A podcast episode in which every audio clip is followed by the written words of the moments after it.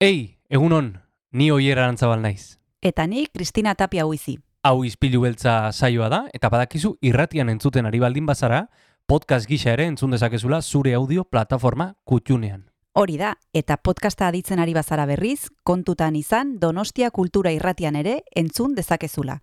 FM eundazazpi puntu lau frekuentzian. Sare sozialetan ere topatuko gaituzu noski, izpilu beltza bilatuta, Instagram, Facebook eta Twitterren. Besterik gabe, guazen gaurko saioarekin. Az gaitezen,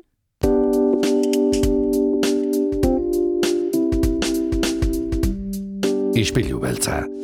Donostiako kulturaren berri, Oyer Arantzabal eta Kristina Tapia buizirekin.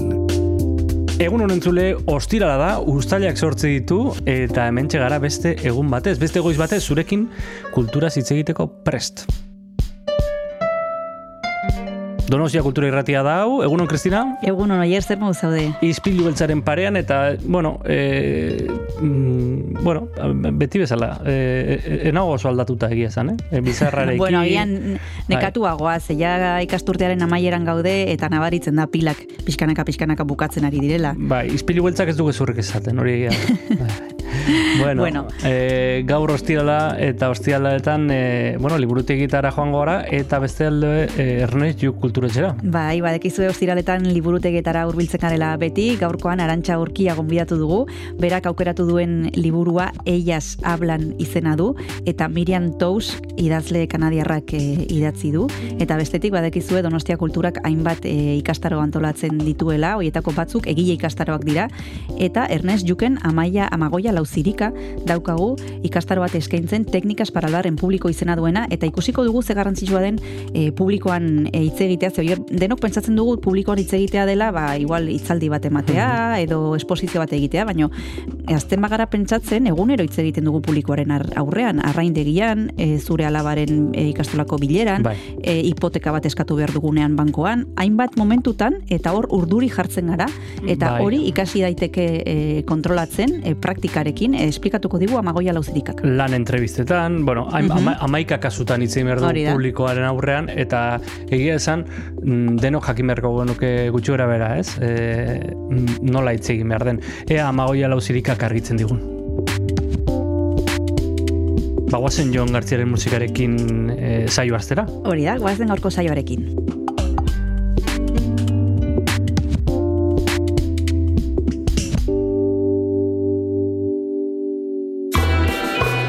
Goazen ostiralak gogoz astera, Niña Koyote eta Txiko Tornadoren bideoklip berria aitzakitza hartuta, dantzan kantuarekin.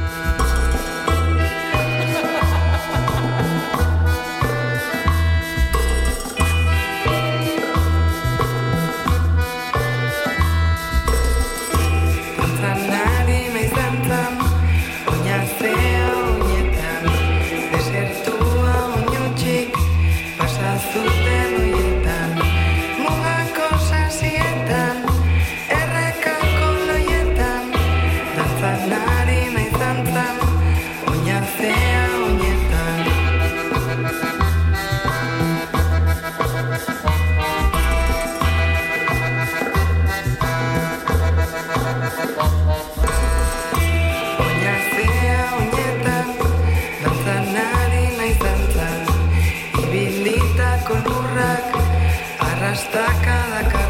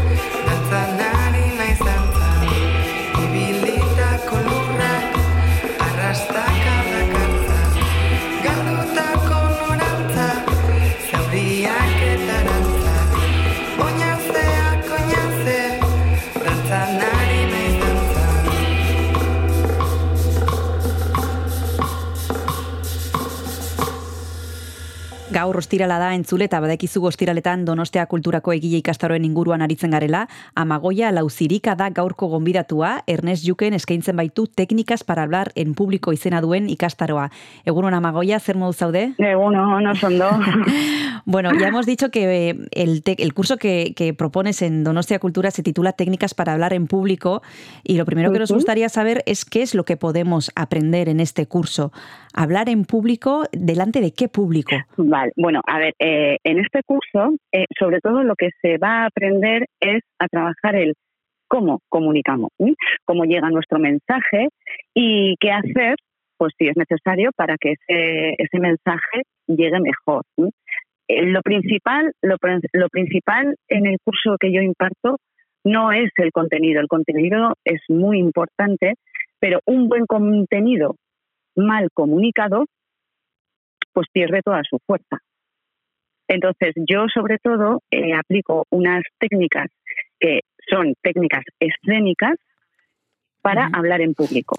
Y Amagoya, ¿quién puede asistir a este curso? ¿A quién está dirigido? ¿Tienen que ser personas que por sus trabajos o por sus aficiones también eh, tengan necesidad de, de- de aprender a comunicar en público? ¿O no, no- no tiene por qué? Igual me estoy imaginando como un público muy concreto, ¿eh? pero ¿quiénes, ¿quiénes son los que pueden asistir? Pues mira, yo con esto me he llevado grandes sorpresas, porque eh, en principio cuando, cuando mm, hablas, ¿no? De, bueno, voy a dar un curso de hablar en público, y mucha gente te dice, ah, bueno, yo no necesito, Claro. Eh, y dices, bueno, no necesitas en qué, en, en tu trabajo y en lo personal.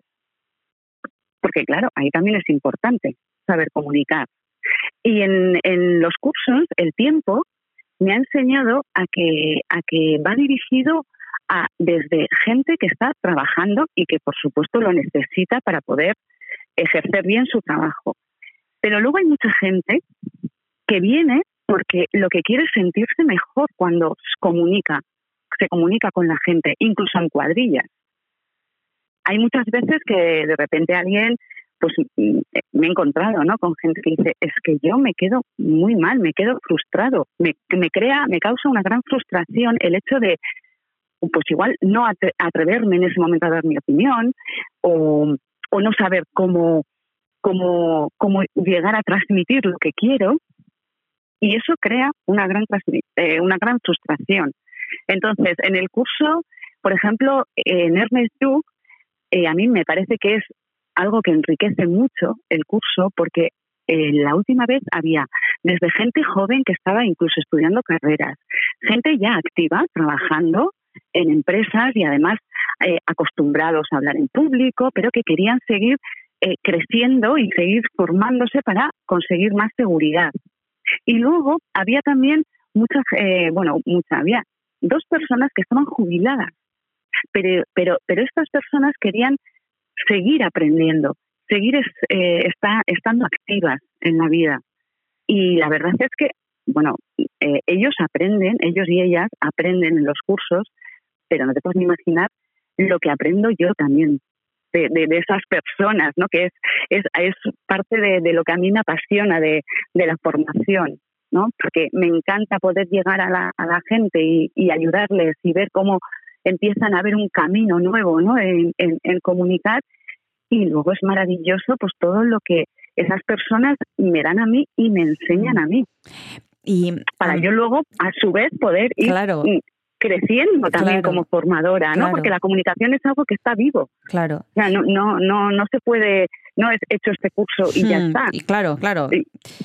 Claro, yo y yo como formadora es lo mismo. Yo yo sigo formándome y me y, y- y me encanta y hay veces que me gustaría hacer incluso más cosas, ¿no? que, el, que el tiempo no me lo permite a veces. Amagoya, vemos que el, el público es un, es un público con un perfil muy diverso y nosotros nos podemos imaginar cuando hablamos de hablar en público, pues a una persona que en su trabajo tiene que hacer una presentación delante de, delante de compañeros, delante de un cliente, delante de, otros, de, de otras personas, pero en la vida diaria, como decías, también hay muchas situaciones en las que tenemos que comunicar. Por ejemplo, tenemos que ir a pedir un crédito y tenemos que ir al banco y tenemos que hablar con gente. Tenemos que, eh, bueno, mil cosas que tenemos que hacer y a veces nos supone un esfuerzo y pasarlo muy, muy mal. Claro, claro, claro, claro. Por eso, por eso yo muchas veces cuando me preguntan, ¿pero qué es para para gente que tiene que hablar en público? Yo siempre contesto con la misma pregunta. ¿Quién no tiene que hablar en público? Claro. Por lo que acabas de decir, ¿no? ¿Quién no se ha visto en un momento dado eh, te- teniendo que ir a un banco o teniendo que, dar una explicación o, bueno, incluso con, los amigos, con las parejas, con los hijos? Con, quiero decir, la comunicación es algo que, la, que, la, que- que es la base de la, de la vida y luego cambia mucho.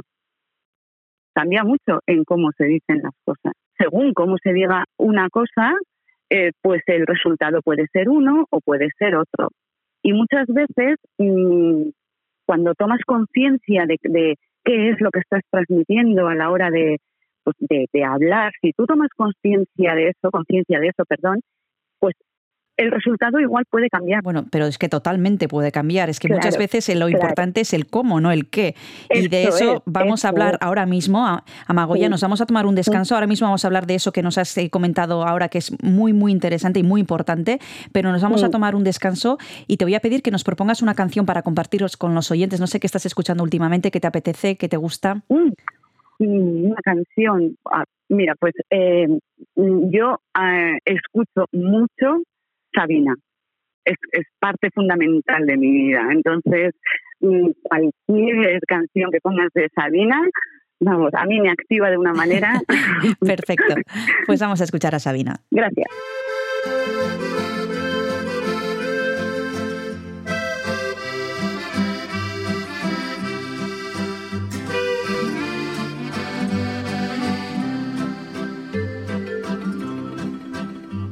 Fue en un pueblo con mar una noche después de un concierto.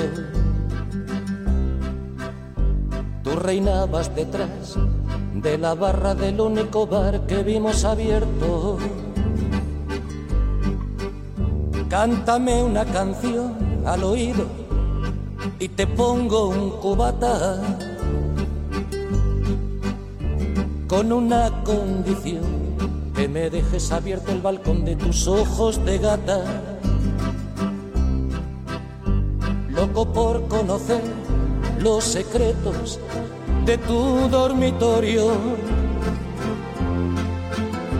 Esa noche canté al piano del amanecer todo mi repertorio. Los clientes del bar, uno a uno, se fueron marchando. Tú saliste a cerrar, yo me dije, cuidado chaval, te estás enamorando. Luego todo pasó, de repente, tu dedo en mi espalda dibujó un corazón y mi mano le correspondió debajo de tu falda. Caminito al hostal nos besamos en cada farola. Era un pueblo con mar. Yo quería dormir contigo y tú no querías dormir sola. Y nos dieron las diez y las once, las doce y la una y las dos y las tres. Desnudos al anochecer nos encontró la luna.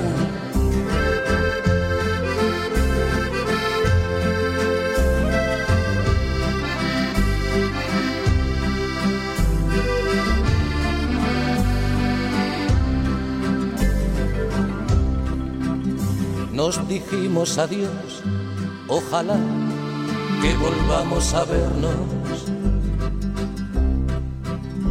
El verano acabó, el otoño duró lo que tarda en llegar el invierno.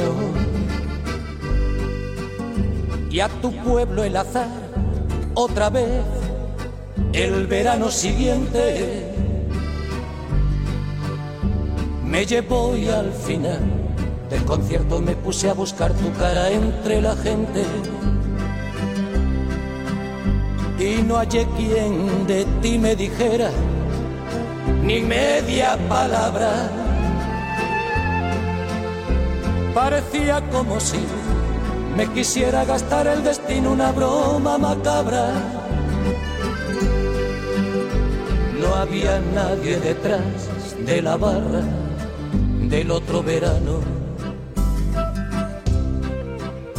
Y en lugar de tu bar, me encontré una sucursal del Banco Hispanoamericano. Tu memoria vengué a pedradas contra los cristales. Sé que no lo soñé, protestaba mientras me esposaban los municipales. En mi declaración alegué que llevaba tres copas. Y empecé esta canción en el cuarto donde aquella vez te quitaba la ropa. Y nos dieron las diez y las once, las doce y la una y las dos y las tres. Y desnudos al anochecer nos encontró la luna y nos dieron las diez y las once, las doce y la una y las dos y las tres. Y desnudos al anochecer nos encontró la luna.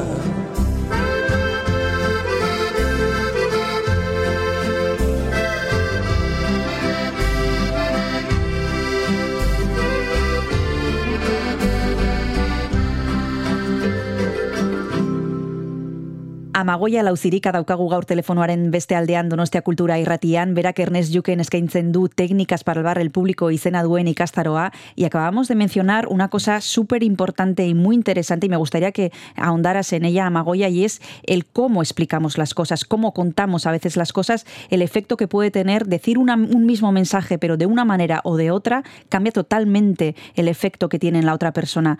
¿Cómo es esto? A ver, eh, sí, es, lo que estábamos hablando antes, ¿no? Como, como ya te he dicho, es, fundamental tener claro eh, qué transmitimos en cada, en, en, cada momento. Y sobre todo, mmm, el, no te puedes ni imaginar la de dudas que hay cuando yo en mis cursos digo, bueno, pero ¿tú qué quieres transmitir? Y me dicen, no, pues la idea. Y digo, sí, no, claro, la idea es, sí, pero ¿qué es lo que quieres transmitir? Porque si tú quieres transmitir confianza, por ejemplo, pues para un cliente, ese cliente tiene que ver, tiene que notar que llega de ti, pues seguridad, eh, que le vas a solucionar. Entonces, y, ese, eso es el, lo que tú quieres transmitir. Y muchas veces hay mucha falta de entrenamiento en eso. Cuando tú ya eres consciente de lo que quieres transmitir, es como si coges un viaje. Yo, yo por ejemplo, quiero ir de Donosti a Madrid. Claro, hay, hay, muchas maneras. Yo puedo ir por, la autopista, yo puedo ir por la nacional, yo puedo. El camino es distinto, me lleva al mismo sitio, a Madrid, y al final llegaré. Pero el camino es distinto. Muchas veces cuando la gente se pone um, delante de, cuando hablo delante de hablar en público, cuando digo hablar en público no digo delante de un auditorio. No, no, no, es que en una entrevista de trabajo también estás delante del público. No hace falta 50 personas, con una sola persona que tengas delante, ya está. Entonces, ¿qué es lo que quieres transmitir a esa persona? Y entonces, yo por eso muchas veces hablo de, del binomio de creación y acción en mis cursos. Porque al final, eso lo tienes que crear tú. Y a mí, por ejemplo, yo soy de papel blanco y bolígrafo. es verdad que hoy en día me encuentro mucha gente que es de ordenador. Mm. Bueno, yo con el ordenador no, yo soy papel blanco y, y bolígrafo. Y empieza ahí a crear. ¿Qué es lo que quieres transmitir? Eh, sueña eh, ese momento. ¿Cómo estás tú comunicando? ¿Cómo está tu cuerpo? ¿Cómo está tu mirada? ¿Cómo, cómo van tus manos? ¿Qué es lo que quieres decir? Pero sobre todo, ¿cómo lo quieres decir? Esa es la base de, de mis de mis cursos, ¿no?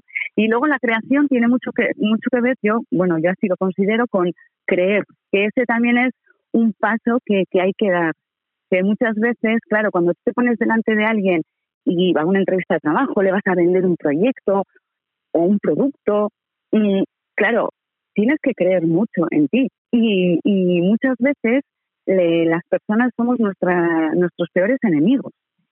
Nos boicoteamos nosotros mismos. Muchas veces yo en los cursos eh, enseguida noto, ¿no? Se está autocriticando, claro.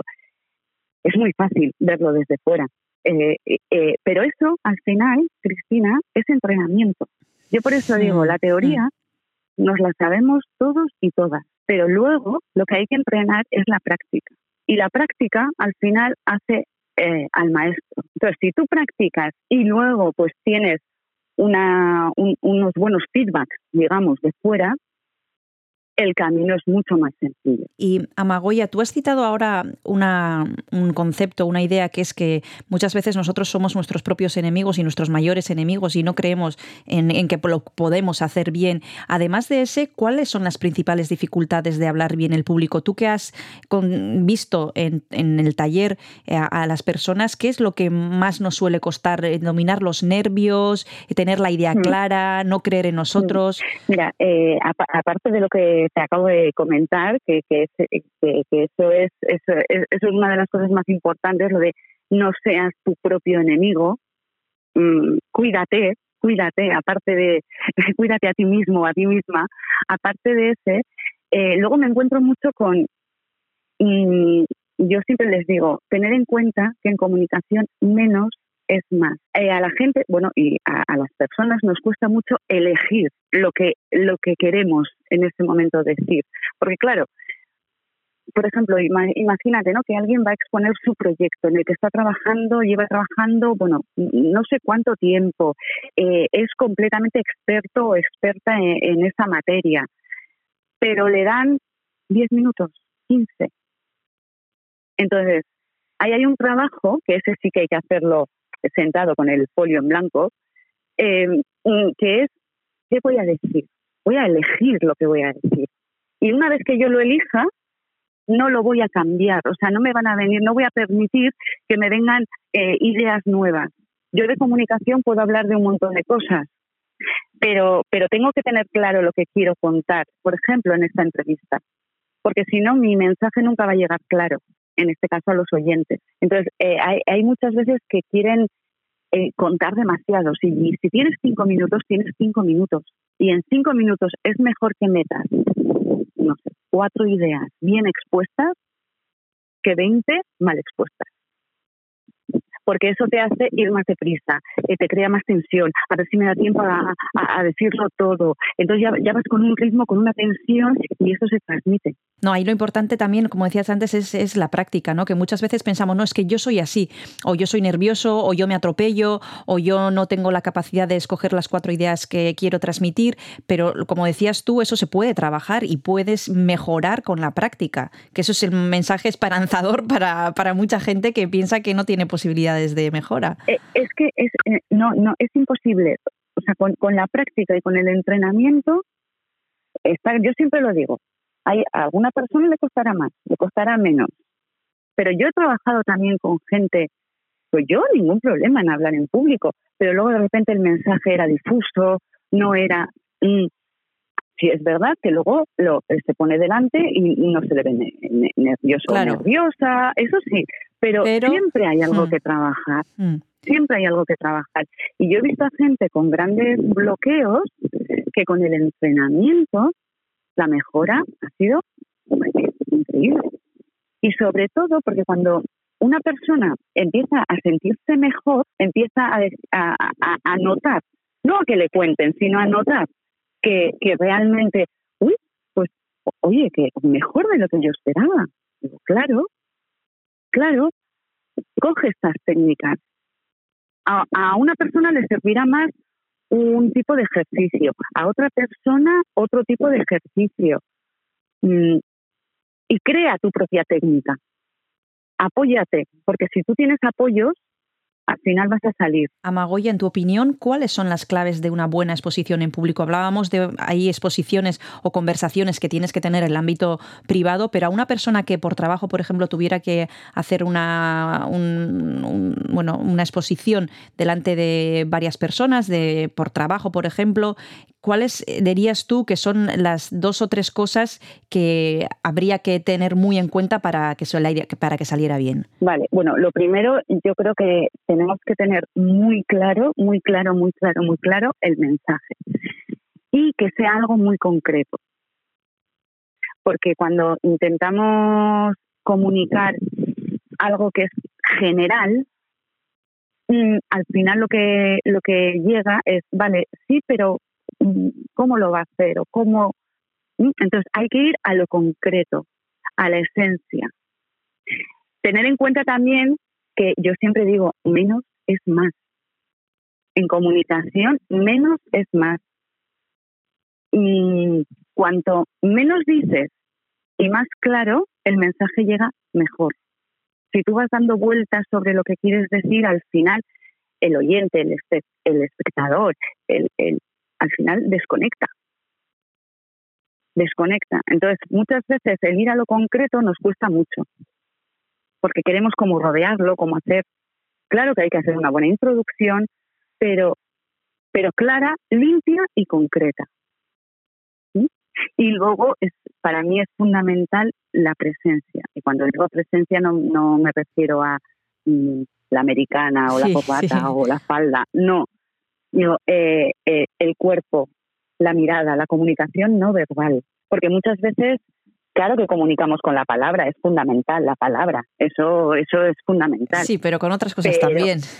Pero, pero, pero es muy importante el cuerpo, la mirada, porque eso es lo que llega al final. Al final, eso es lo que hace el cómo, el ritmo.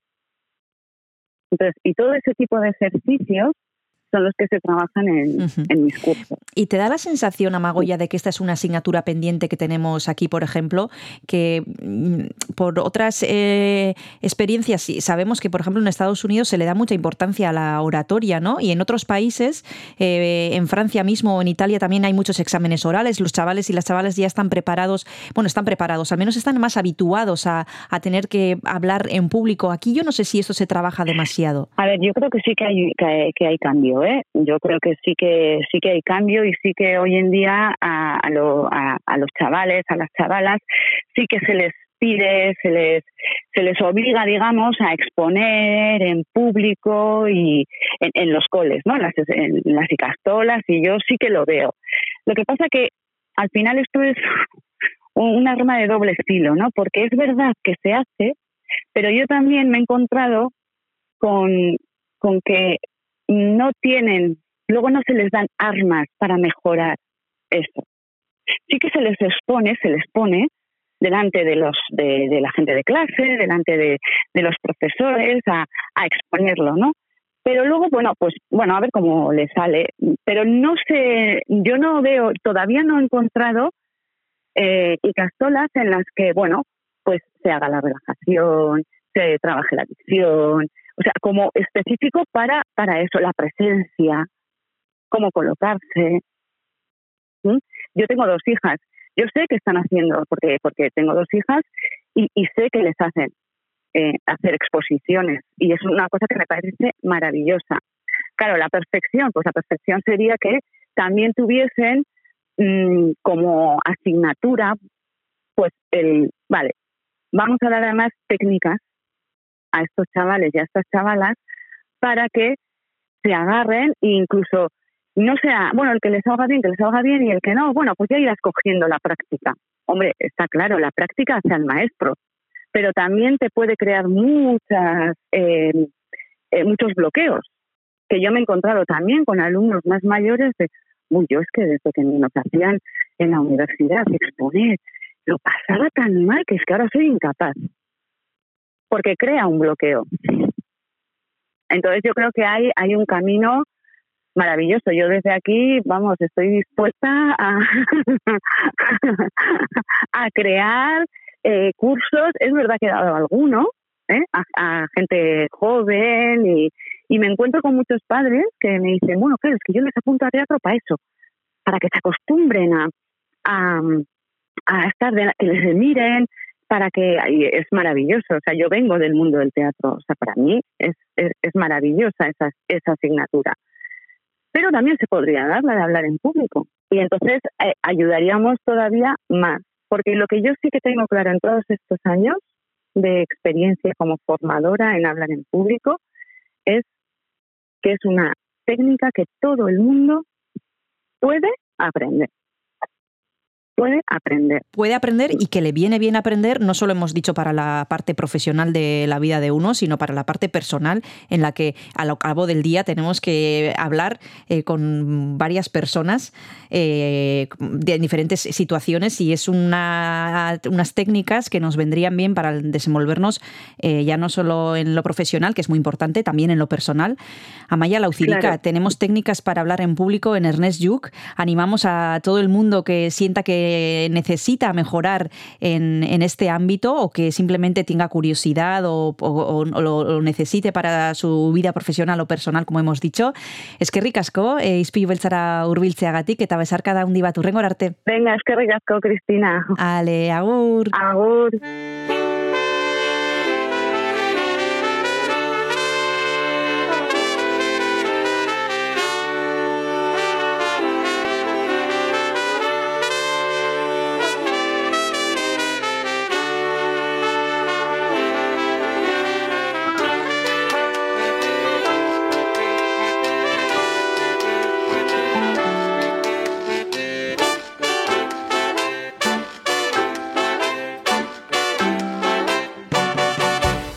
Kalekoa naiz, kakazarra Ez dakit mozten, ez dakit mozten Ez belarrona, ez belar txarra.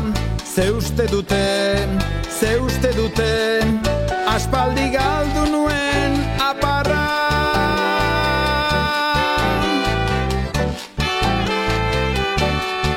Kalekoa naiz, kakazarra Ez dakit mozten, ez dakit mozten Bidea itotzen duen laparra. Ze uste dute, ze uste dute Ezin kendu begiko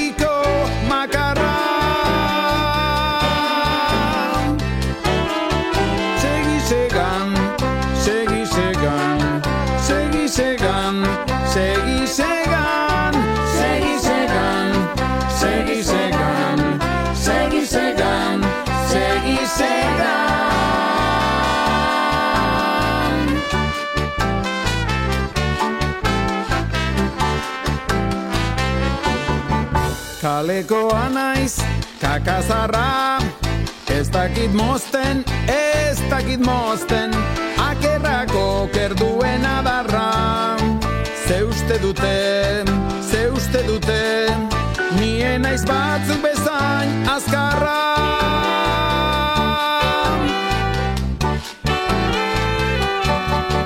Kalekoa naiz, kakazarra. Ez dakit mozten, dakit mozten Adur txarreko egun baldarra. Ze uste dute, ze uste dute Ez dakit eta enaiz bakarra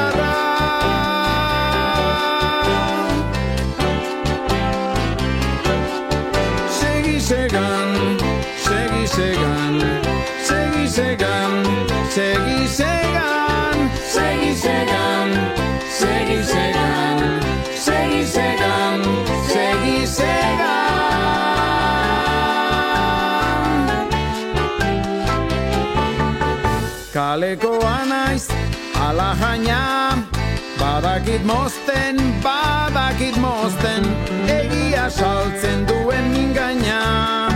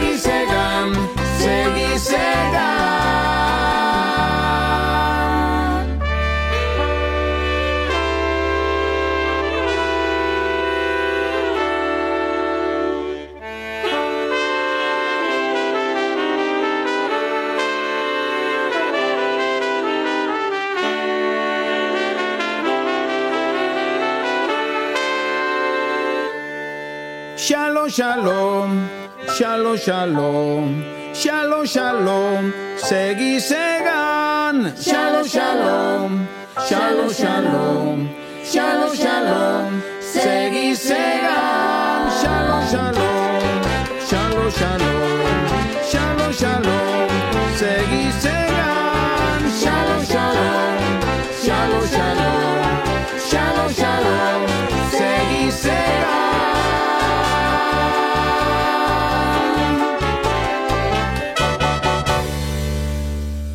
Gaur ostirala da entzule eta badekizu ostiraletan e, liburutegietara hurbiltzen garela Donostia Kultura irratian, bertan Donostia Kulturako liburuzainak ditugu eta kasu hontan gaur Arantxa Urkiaren txanda da, berak aukeratu duen liburuak Ellas hablan izena du, Miriam Tous kanadiarrak idatzi du eta guazen agurtzera. Arantxa, egunon Arantxa zer modu zaude?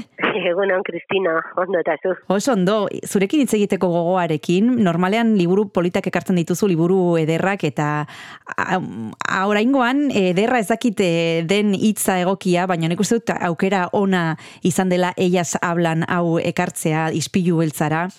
Em, kontatu iguzu pixka bat arantxa, zer kontatzen du autoreak liburu hontan? Mm, bai, e, liburua zuk esan desun bezala, e, esango duke dela berezia, e, baina berezia esan nahi dut, agian, e, bueno, pertsona batzuk e, berehala entzungo, entzungo dute menonita hitza edo talde itxi baten historia dela, eta agian atzera esango dute, jo, ba, ez den nahi hori irakurri, baino nire ustez eh, Miriam Tous idazle kanadaiarren mm, habilidadea edo, eta eh, nahi, kontatzen duen historia, menonita orain azalduko da zeintzu diren, e, unibertso itxi bat, menonita edo amits, itzen godu Bai, pixka bat, eta bai. horrela danak pelikula ukiko dute buruan, ba, e, zer lortu du nire ustez, e, bi egun hoietan emakume hoiek, emakumeak hitz egiten dute,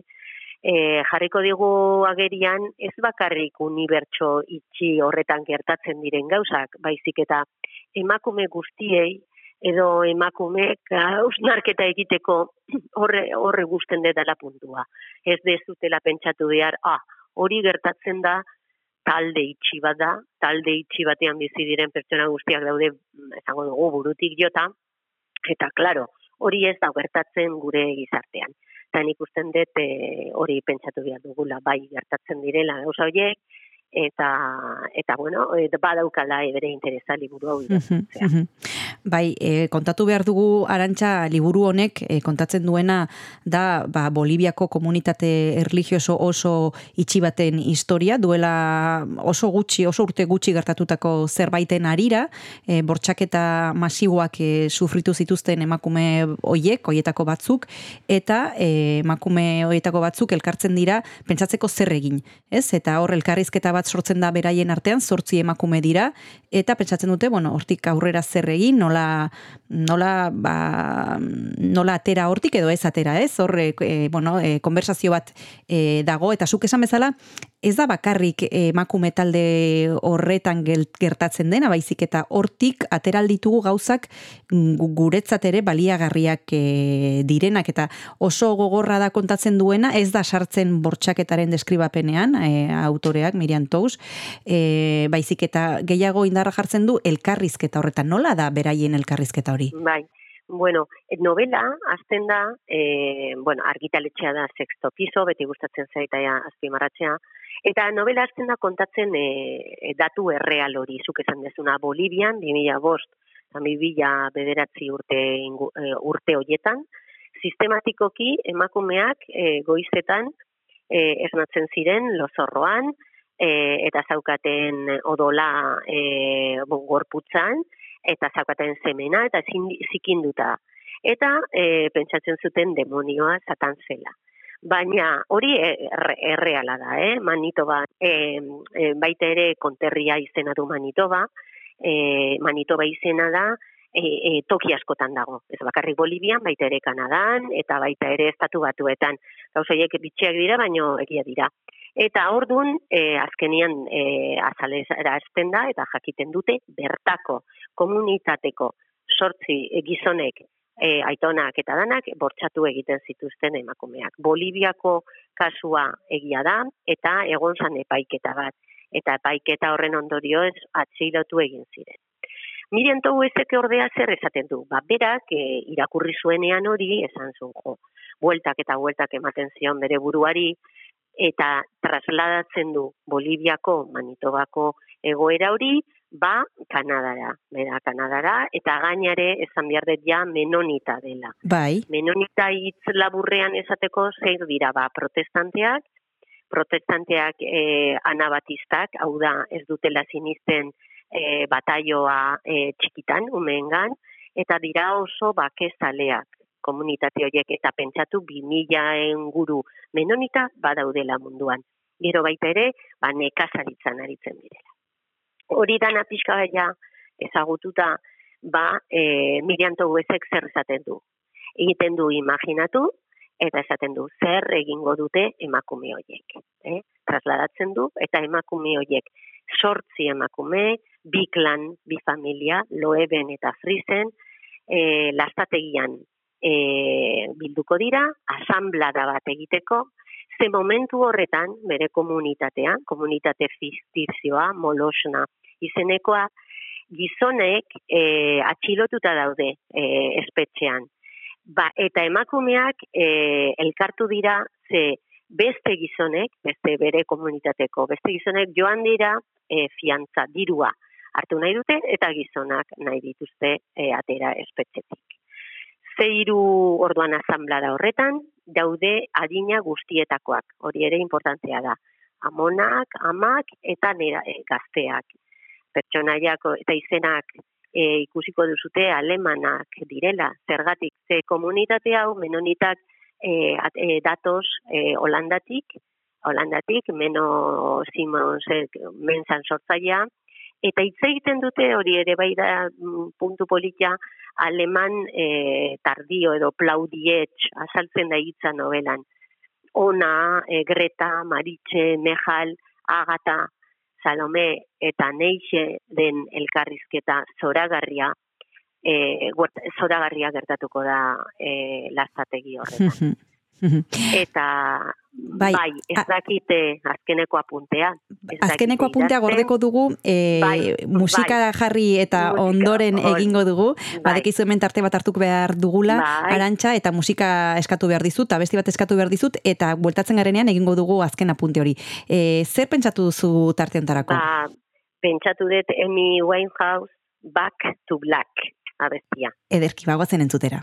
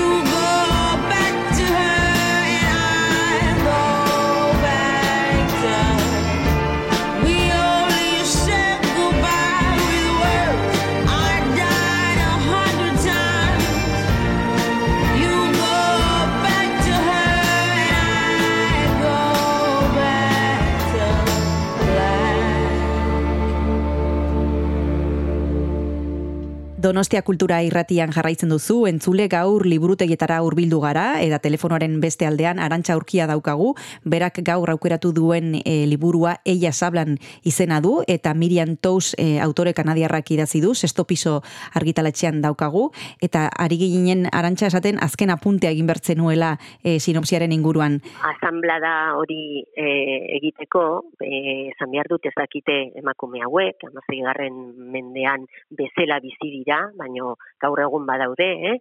eta ez dakite irakurtzen, eta ez dakite idazten. Ez diete, ez dia eskolara joaten emakumeak. Umeak ikusiko dugun liburuan, ba, ama bi urte arte joaten direla eskolara, baino beraiek ez. Orduan, zenek hartuko ditu aktak. Ze liburua dago e, bi, bi jornada dira, ekaina zei, ekaina zazpi, eta e, beste pertsonaia polita da August Epp. August Epp da akta jasoko duna, eta da e, e, irakaslea. E, bere historia e, ikusiko dezue liburuan, baino kanpoan bizitu izan da, ze bere familia bota egin zuten komunitate horretatik, eta berak nire ingeles ez badaki, eta, bueno, baino bueltatu egin da komunitate horretara. August Pep, e, oso polita da, ze mm, patriarkal mm, sozietate itxi honetan, ez dute beste gizone konsideratzen gizon osoa. Eh? Momentu batean esaten dute medio hombre edo. Zergatik ze ez du nekazaritzan aritz, ez da nekazaritzan aritzen, eta horrexegatik jartzen dute irakasle bezala. Orduan, baino emakumeak ze aukera daukate, hiru aukera daukate. Batzuk, emakume batzuk esaten dute barkatzeko, eta molosenan geratzeko, beste batzuk, eta hor dago pertsonaia polita Salome, e, jakiten dunean zegertatzen dan e, e, mendekua nahi du, borrokatu nahi du, nahi du borrokatu barruan, eta beste hirugarren aukera da e, hortik joan, ez? Iez, ez, iez egin baino gehiago da joan hortik ze arrazon da e, argudioak erabiliko dituzte, e, hiru aukera hauekin, ez? E, zergatik geratu, ez, emakume batzuk, bar, eta orduan horra ateratzen dira nik esaten detena gai unibertsalak. Lehenengo gaia da, ba, barkamena, barkatu behar dute, bere ez da bakarrik esaten badu erligioa, eta gaia importantia da noski esango diazute, erligioaren zama e, ageri da baita ere novelan, eta ezin dugu katu ba, kolektibitate itxi hauetan, ba, erligioak dakoan eragina eta ondorioak handiak direla, baina imaginatu behar dugu barkamenaren kontua ez dala bakarrik erligioarena, da, igizartearena.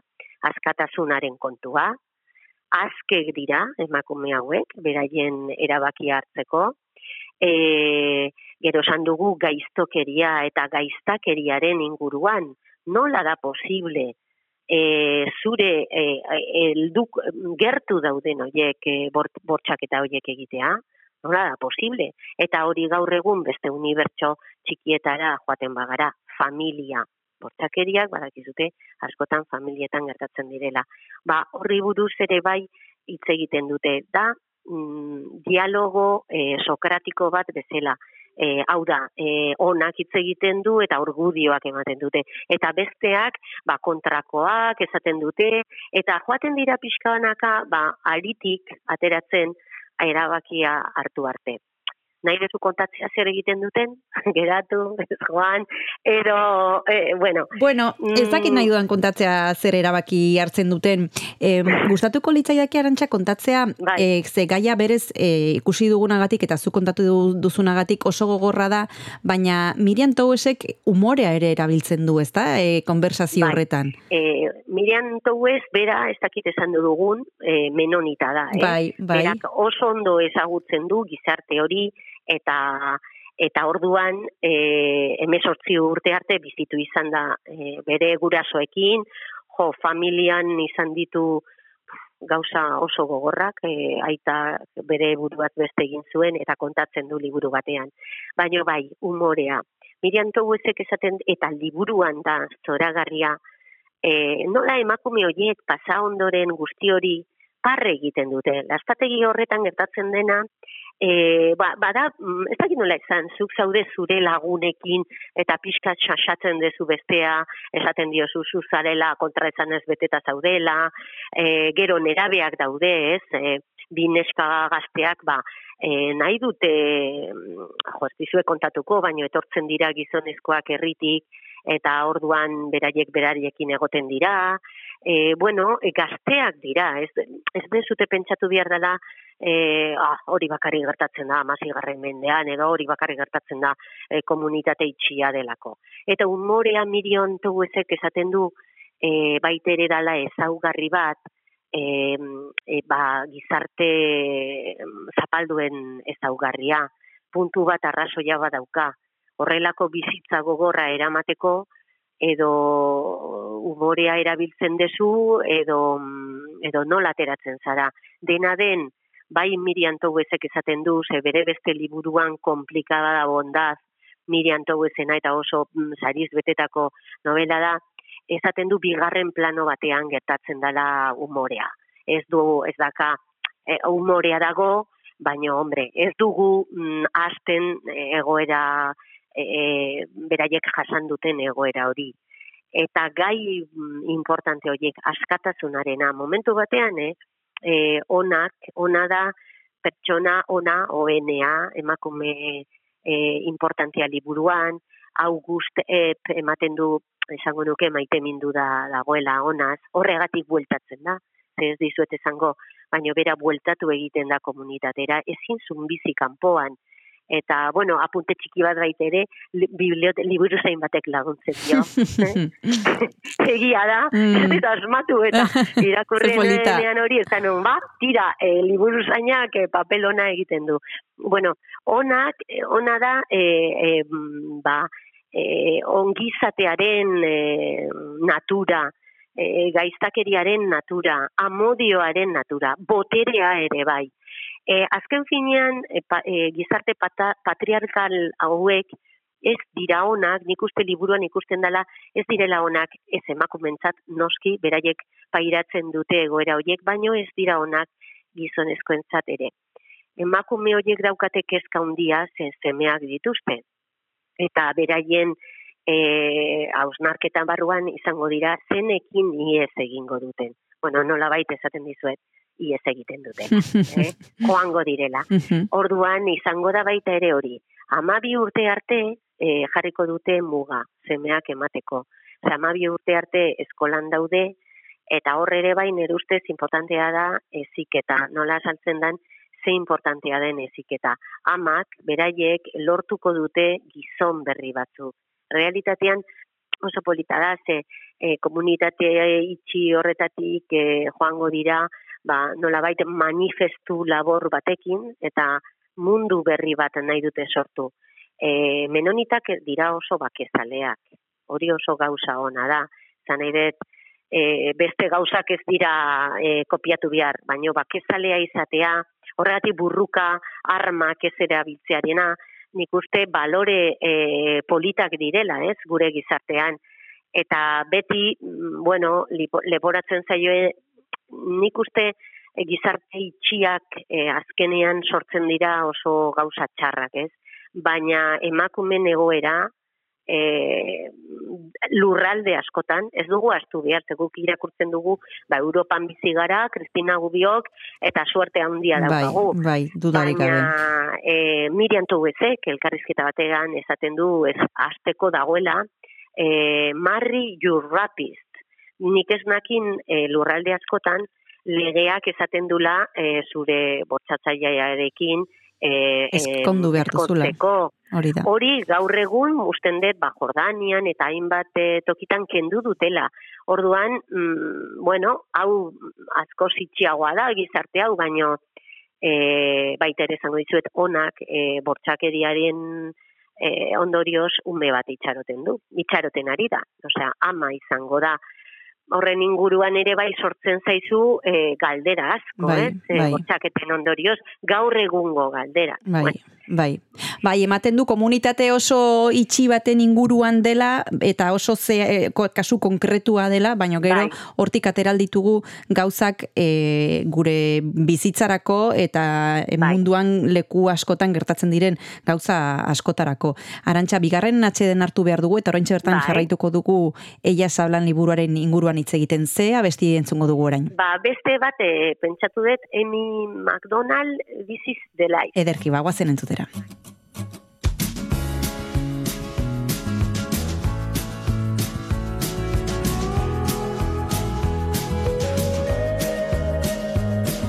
The wind whistles down the cold dark street tonight, and the people they were dancing to the music vibe, and the boys just the girls with the girls in their hair, while the shouting who just sit way over there, and the songs they get louder, each one better than before.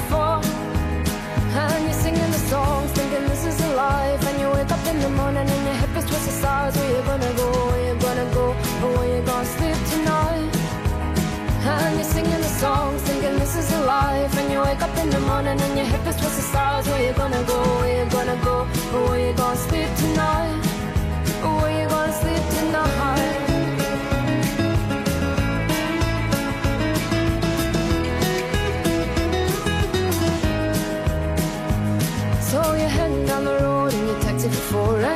And outside Jim's front door But nobody's in and nobody's home till four So you're sitting there with nothing to do Talking about Robert Riger and his motley crew And where you gonna go and where you gonna sleep tonight and you're singing the songs, thinking this is a life. And you wake up in the morning and your head feels twisted stars. Where you gonna go? Where you gonna go? And where you gonna sleep tonight? And you're singing the songs, life. And you wake up in the morning and your head feels twisted stars. Where you gonna go?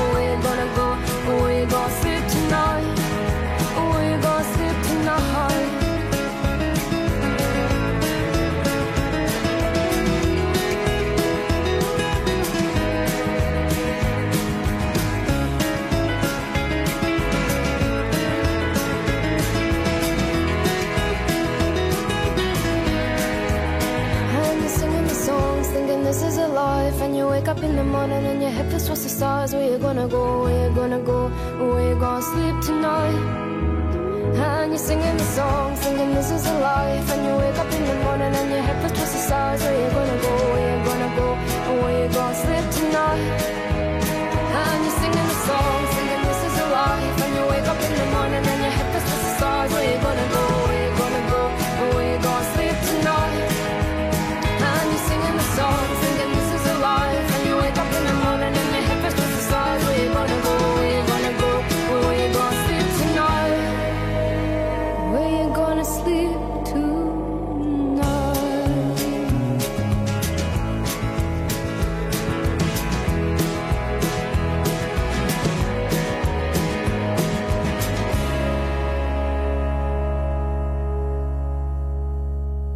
Donostia kultura irratian jarraitzen dugu, gaur literaturari buruz hitz egiten ari gara Arantxa Urkiarekin, berak aukeratu du Eiaz hablan liburua, Miriam Tous aut- autore kanadiarrak idatzi du sesto piso argitaletxean daukagu, erosteko erosten erosi nahi baldin baduzue edo nahi baduzue hartu Donostiako liburutegietan. Ari ginen hitz egiten e, liburuaren inguruan e, Arantxa eta berak e, autoreak esaten du esan du elkarrizketa batean e, batzuetan e, emakumeak biltzen direnean jendea beldur dela. Ez biltzeagatik bakarrikan. Ez dakit e, liburuan azaltzen den gizonezkoek nola hartzen duten e, emakume hauen e, konversazio hori bi egunetan izaten duten konversazio hori. Ez dakit agertzen den, eh? Ba, bueno, pe, imaginazazu unibertso horretan eh, ez dakatela baimena asamblada egiteko Claro. orduan iskutuan iskutuan egin behar dute eta e, tor, badakizu esan deten bezala gizon guztia joan dira herrira e, fiantza ordaintzera eta etortzen danean e, emakume baten e, zenarra e, ba, ikusten ditu dana belduta lastategian eta galderak egiten die eta noski e, zurra. Eta gero ondorioa e, ba, izan horrek e, jipoitu egingo du emakumea. Ordun e, emakumeak elkartzen badira, bai, beldurra sortzen du. Eta zergatik sortzen du beldurra? E, bere, ze emakumeak azkenean e, inteligenteak dira, e, da, e, onak dira, zeme ez dira in ego- gizonak bezain egoistak ez. Denbora guztian, beraiek saiatuko dira babesten e, beraiek maitatzen dutena, baina botere handia lortzen dute, azkenean elkartzen dira, eta gaur egun ere, e, emakumeak elkartzen bagara, nik uste e, botere handia edukiko dugula. Liburuan esan dizudaen bezala, boteriari buruz ere kapitulotxo batean hitz egiten dute, eta esaten dute gizonezkoak daukatela boterea. E, onak esaten du realitatean ez dakila zer dan maitasuna. E, hitz egiten da esaten dizu eta askatasunari buruz. Azkeak, beraiek konstiente gara, e, beraientzat dena ez askatasuna guretzat agian dela txorakeri bat. Baina zer da askatasuna? Askatasunari buruz hitz egiten dugu gure ikuspuntutik. E, benetan askeak gara, erabakiak hartzeko guzti hori e, emakume hauek e, e, bueno, nire, nire gustukoa egin zitzaidan hori, e, nola hitz egiten duten zein ondo eta eta bueno, e, konplizitate puntu bat, gero nola laguntzen diren emakumeak ere bai, e, aurdun dagoen emakume neska hori e, gonbitoka dago eta bueno, egia da kontatzen diren hainbat e, gauza oso gogorrak dira, zuk esan dezu bezala, nola imaginazio du dezakegu ume irurteko ume bat bortxatzea. Salomen e, alabatxoari e, bortxatu egiten dute. Orduan, mm, e, klaro, mm, go, gauza oso gogorrak dira, baina gauza horiek gertatzen dira, gertatzen dira, baino e, sakabanatuta gure munduan. Eta hor ematen du Miriam Zouezek egin dula baita ere nahi du eman dio izenburua, zazu iruditzen liburuari, ellas hablan, eman die hitza. Liburuan hitza oso importantea da. E, hitz egin behar da, e, hitz egiten dugunean e, akordio batera iristen gara, e, batzuk e, utzi beharko dezu zure zana, e, nahi desuna, edo besteak ez, fikzio horretatik joan da gaur egungo gizartera. Gero, estiloan, astiloa harina da. Liburuak ez dauka horri alde asko, ez dugu aipatu, daka egun eta laro eta amasei horri alde. Ematen dizu igual gogoa dena batera irakurtzeko, eta ez dizuet gomendatzen, ze benetan hitza denez importantena, gomendatzen dizuet mm, patxadaz irakurtzea, e, eta galdera horiek ia benetan zure hemen ikusten dezuen, em, edo bakarrik izango dezute, jo, ba, liburu utziko dut, ze hau bakarrik gertatzen da menonita talde ja, batean, ez ja. nuke nahi. Ez da, ez da ere, e, liburuaren atzekaldean e, jartzen du, ba, idazle kanadar famatua Margaret Atwood, e, eta badakizu ze zerien ez izen zeria eta liburua, e, nola da, neskamearen ipuina, eta egin dio esaldi bat, e, esaten du, ez extraordinaria, estremecedora, emotiva, baina nik uste desberdina dela, eh? Joaten baziate pentsatuz Margaret Atwooden e, gertakizun guzti horiek, bueno, ez, hau da e, intelektualago.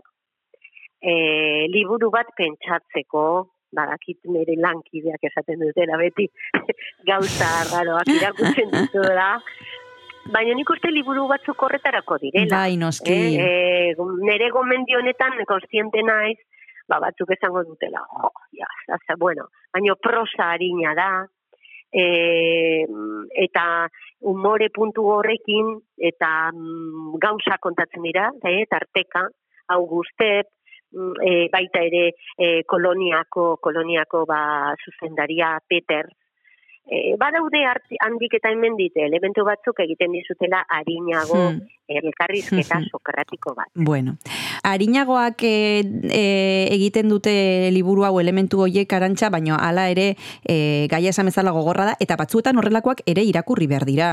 Ez du dena zertan e, harina izan, e, hau da, e, bizitza e, zoritxarrez horrelakoa da, eta gure inguruan horrelako gauzak e, baditugu, eta zerrobe ezagutzea baino, ez da?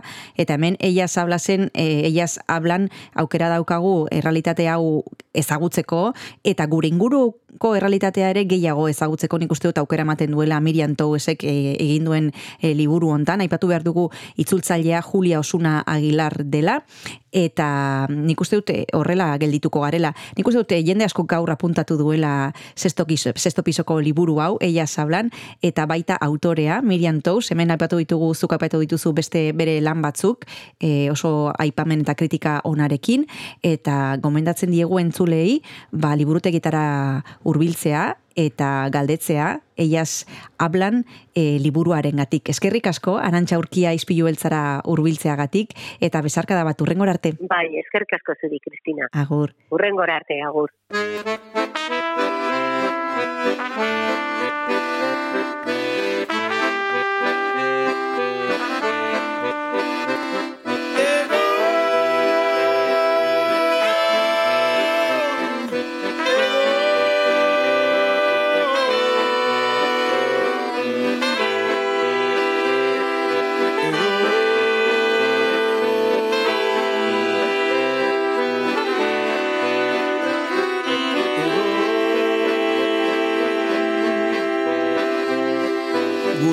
Dago esan didate lagunek Ez zinalaiago Gure esku dago esan didate lagunek Ez zinalaiago Zer dago,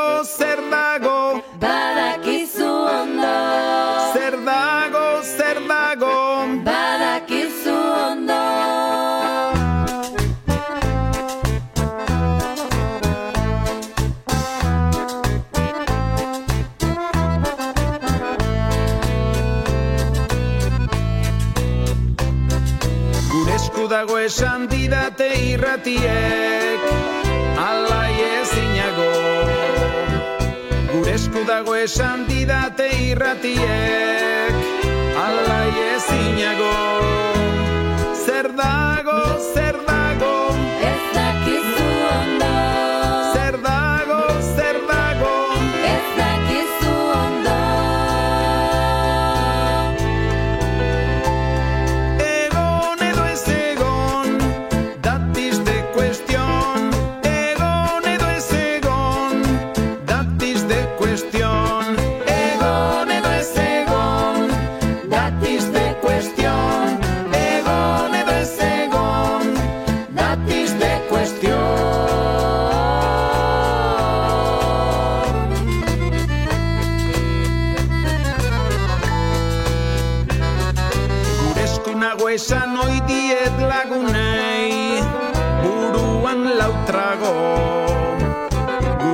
nago esan oi diet lagunei Buruan lautrago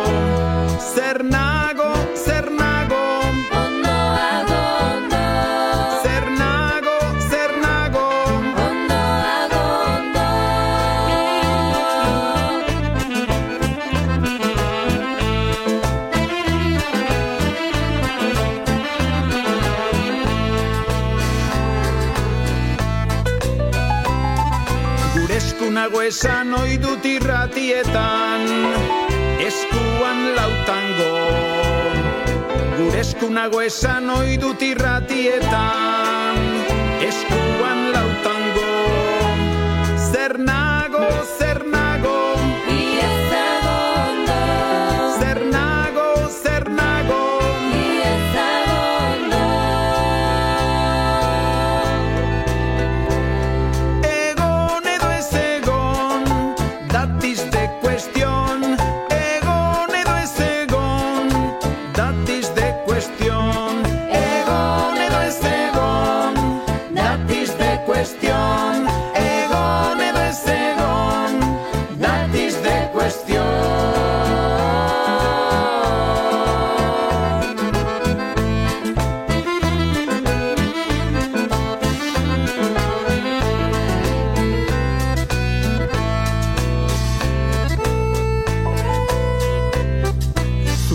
nago esaten dizut lastana Ezin beroago.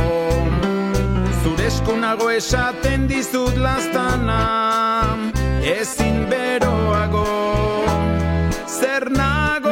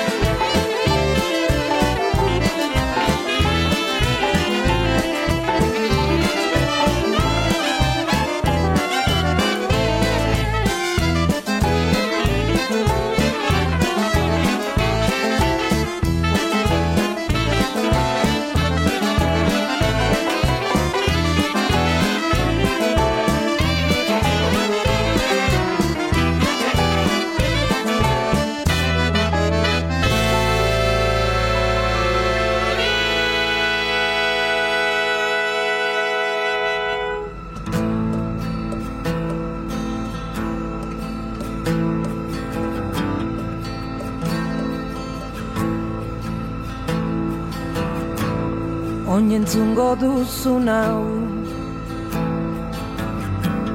Oinentzungo duzun hau Oiukatzen zun auzoak Funtzionariari langileak Tabernariari mozkorrak. Oinentzungo duzun hau Esan zuen presoak oiukatu maitaleak.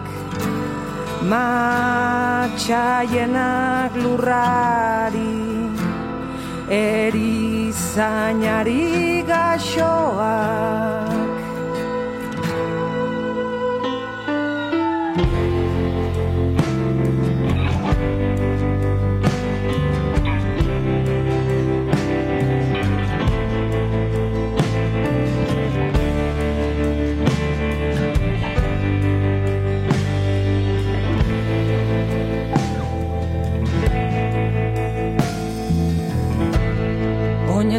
Oinentzungo duzun hau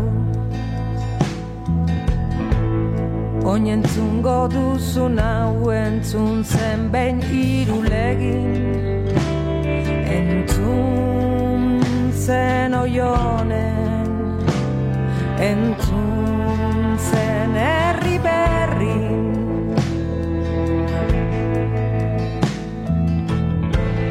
Ta gertatze arzena Ez da inoiz gertatuko gertatzen ari delako. Eta bada garaia Erreka oso bat edateko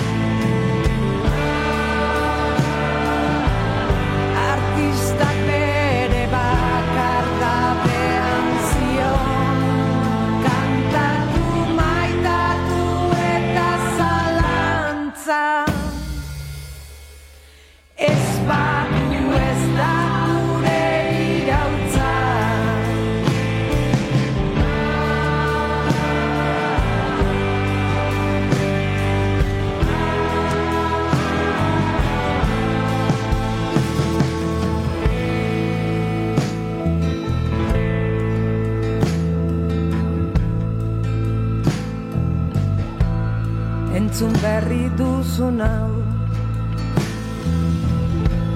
Esan zuen herri batek esan zion munduari.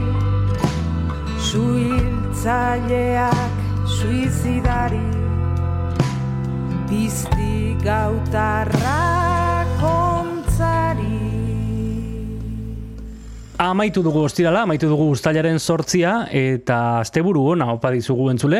Astelenean itzuliko garagu eh, eduki gehiagorekin, Mikel Iturriarekin, eta mm, jazarekin, Kristina. Bai, ze badekizue, ja, jasa e, mentxe daukagu, gainean daukagu, eta guk e, programa bereziak egiten ditugu jasaldian beti, eta ja, ba, gerturatzen ari denez data, gonbidatu ditugu aldapeko ja, Basque Latin Jazz e, taldeko kideak, mm, Imanol Iribarren etorriko zaigu, piano jolea, astelenean, e, proiektu honen inguruan hitz egitera. Bueno, esan bezala, izpilu beltza beti e, unean uneko protagonistak ekarri nahian, edo ze, gu saiatzen gara bentsat.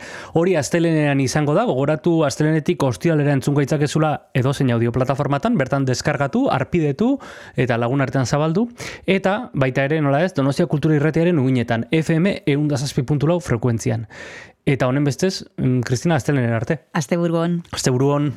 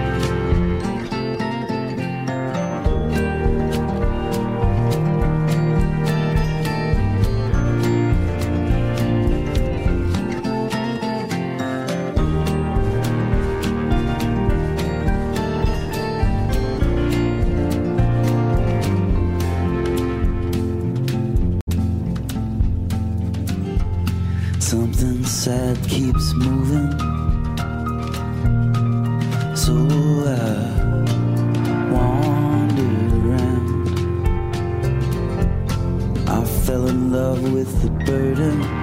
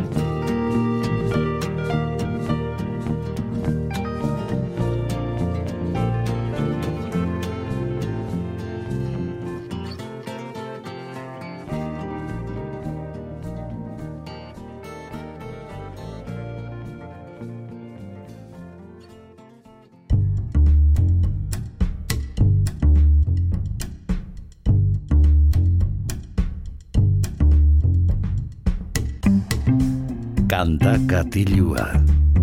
Jon Gartziaren eskutik. Ostiralon entzule iritsi gara izpilu beltzaren amaierara eta asteburua gertu gertu dugu, baina hori baino lehen badakizuen musika entzutea gustatzen zaigula eta ba, asteburua indarrez hasteko musika eta diskoak entzutea gustatzen zaigula. Gaurkoan Grace Ives izeneko artistaren Yankee Star disko berria entzungo dugu eta alaxe hasten da izenit Lovely kantuarekin. Bye.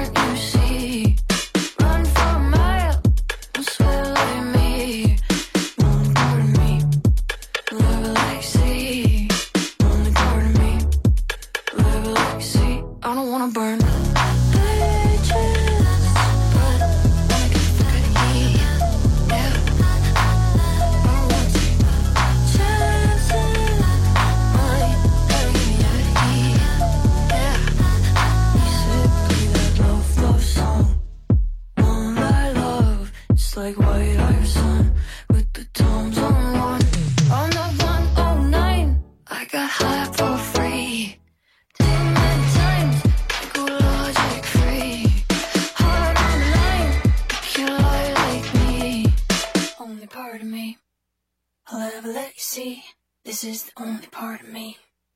I love let you see. I don't want burn. Baby.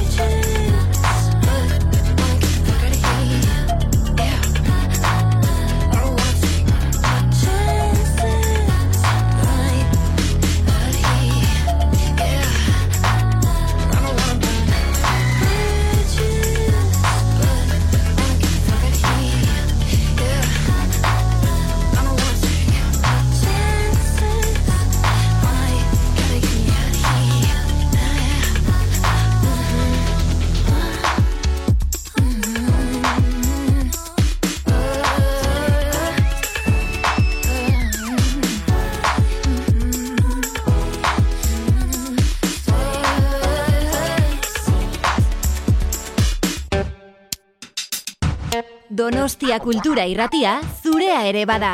Zatoz eta parte hartu.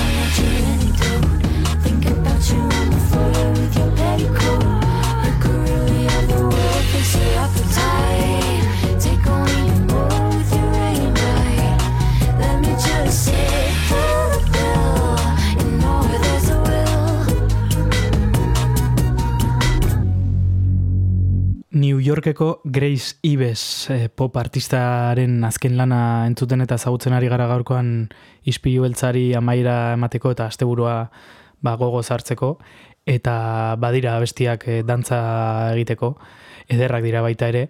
Entzun dugu Angel of Business izeneko kantua eta guazen urrengoarekin hause da Lazy Day.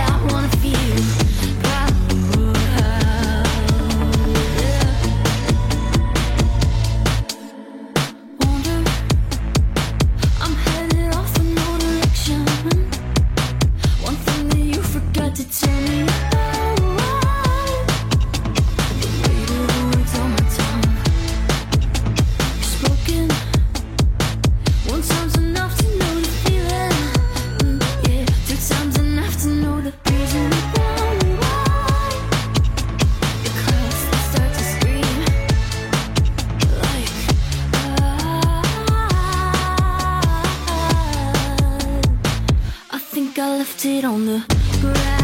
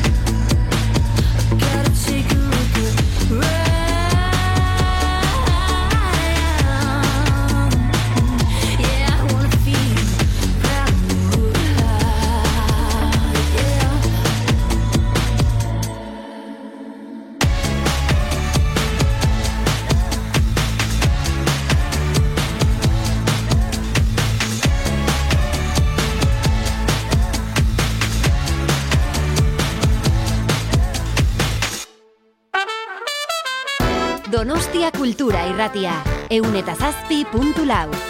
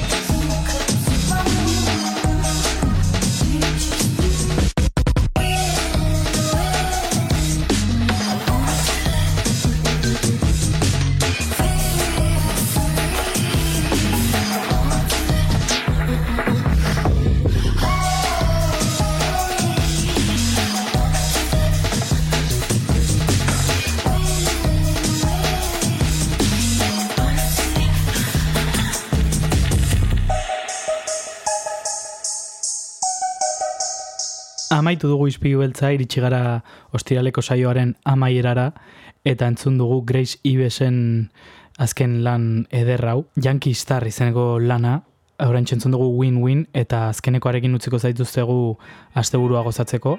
Hau da lula bai eta astelenera arte.